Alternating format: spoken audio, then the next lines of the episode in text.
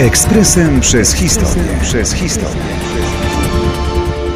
26 kwietnia 1937 roku niemiecki Legion Kondor zbombardował baskijską Guernikę. Ten dzień straszny dla mieszkańców jednego z najstarszych baskijskich miast był ponurym zwiastunem tego, co będzie się działo w całej Europie i innych częściach świata kilka lat później.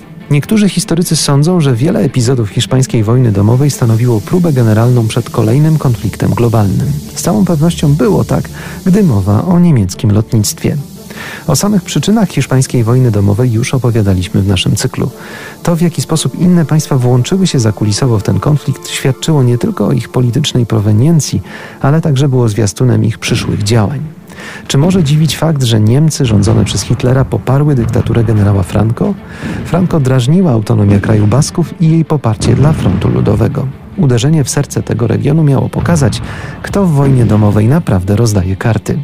Niemiecki Legion Lotniczy Kondor wykorzystał atak bombowy na Guernica jako sprawdzian swoich możliwości. Skutki dla ludzi na ziemi były tragiczne.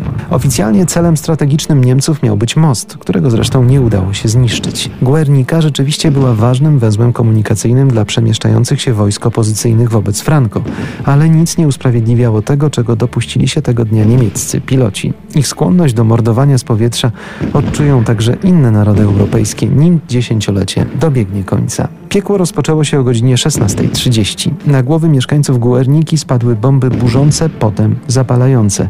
Jednocześnie grupki mieszkańców próbujących uciec z płonących budynków były ostrzeliwane przez pilotów niemieckich samolotów myśliwskich. Ten straszny zwyczaj Niemcy powtórzą także w Polsce we wrześniu 1939 roku. Ostrożne szacunki mówiły o tysiącu ofiar, niektóre nawet o trzech tysiącach. W wyniku nalotu zostało zniszczone 70% zabudowy miasta. Picasso jeszcze w tym samym roku stworzył jedno ze swych najsłynniejszych dzieł, wstrząsającą antywojenną Guernikę. Ekspresem przez historię. Przez historię.